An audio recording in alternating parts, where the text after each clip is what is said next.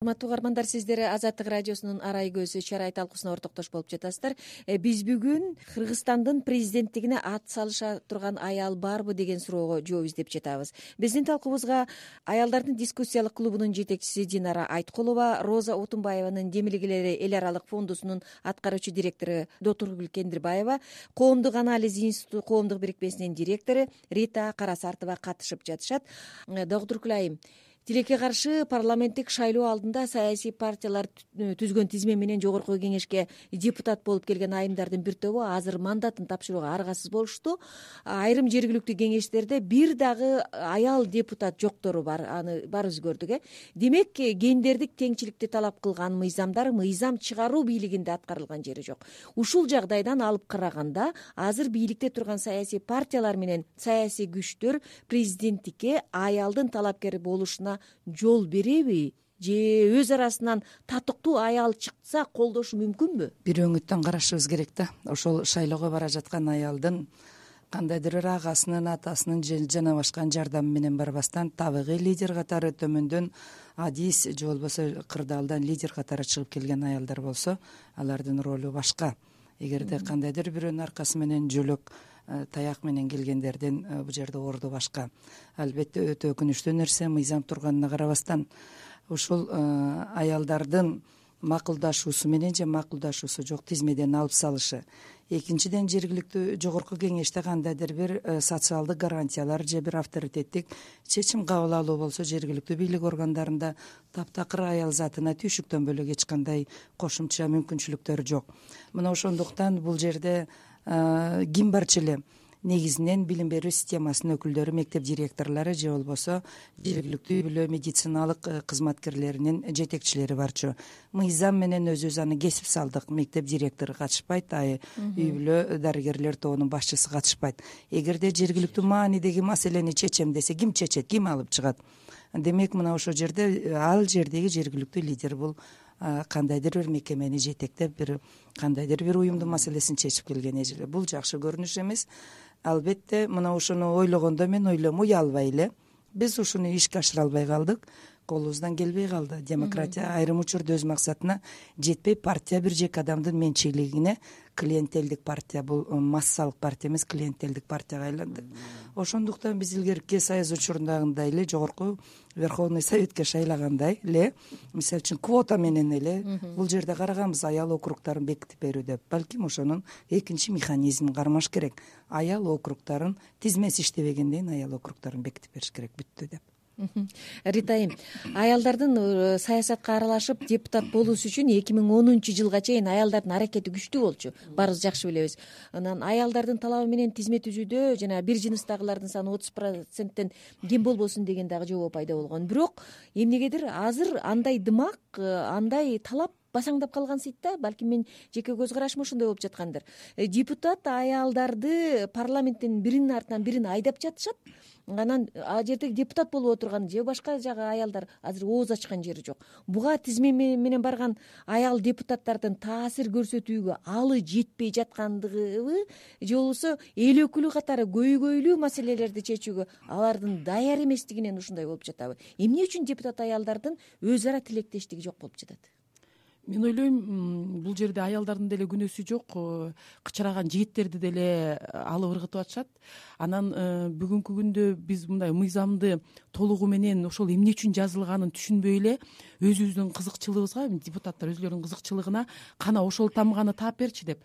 Биз айтабыз да мына квота бар эмне кетирип атасыңар десе ал квота тизмеде бар а парламентте квота болсун дегенде каякта жазылган? Таап берчи кыйын болсоң деген нерсе да. Ошондон улам мен ойлойм бул система түбү менен ошо атайын э, партиянын лидерине багышталган система болгон. Э, мен терең ишенем кыргыздын нукура өзүнүн түпкүлүгүнө ушу парламентаризм аябай эле жагат. Анткени себеби муну курултай деп койсок деле болот. Ар кайсы чыган уул кыздар келип ошол жерде э, кыргызстандын тагдырын чечкен. Бүгүнкү күнү биз ушул парламентаризмди жок бизге жакпайт экен деп артка кетпей алдыга кетип туруп ошол лидердин сөзү сөз эле болгондой кылбай дагы бир э, мыйзамдарга толуктоо киргизип туруп кантип парламентаризмге эң мыкты уул кыздарды алып келебиз деген нерсени кое турган болсок андай тажрыйбалар бар. Аны преференциалдуу добуш берүү деп коет. Жөн эле партияга добуш бербестен ошонун ичиндеги адамдарга да добуш берсе канчалык көп добуш алса ошол парламентке келип отурат. Ошонун лидери ал сөзсүз түрдө премьер министр болот. Ошондой элдер мен могул адамга ишенем ушуга мен добуш берем деп турса мен ойлойм чыныгы парламентаризмди биз куруп кетебиз анан экинчиден мен эмне үчүн ишенем? Ушул азыркы эки миң он жетинчи жылдагы шайлоого сөзсүз түрдө аял келиш керек деп көбүнчөсү айтат. Бизге күчтүү президент керек депчи. Мен өзүм сындап көрө турган болсом мен ойлойм биздин бүт көйгөйлөрдүн баары ушу күчтүү президенттен болуп атат да. Анткени себеби президент президент болуп келгенден кийин эле башка бийлик бутактардын баарын колуна алып алат дагы сотту деле өзү бийлетип атат парламентти деле сүйлө десе сүйлөйт сүйлөбө десе отурушат. Э, аткаруу бийликтер деле э, күнү карама болуп эле президент жакты карайт.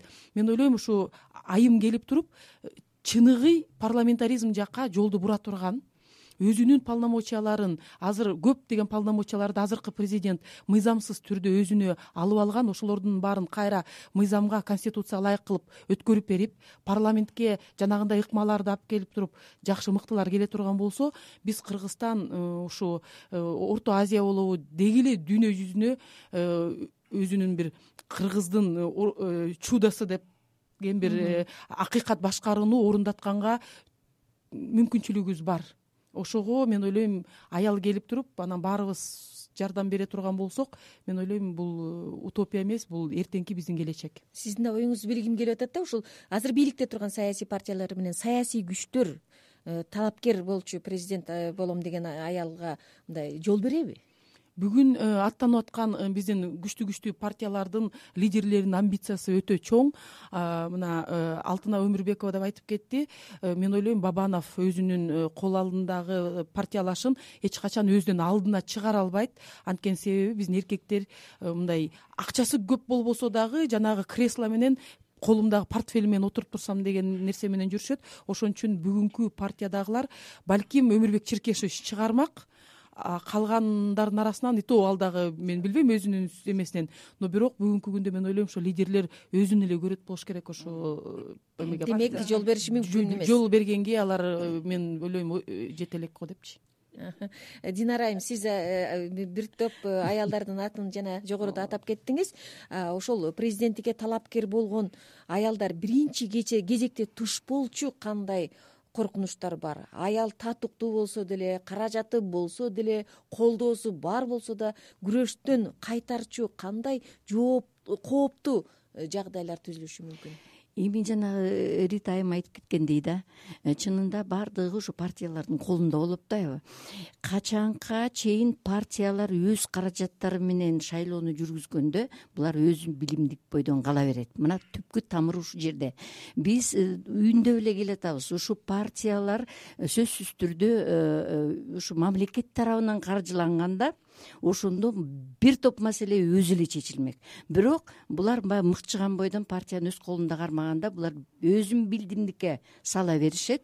Бул эң биринчи тоскоол ушул чынында. Эгерде партиянын лидери чыныгы көңүлүн коюп чыныгы патриот болуп мен ушуну көрүп атам ушуну колдойм десе чыгып кетиши мүмкүн.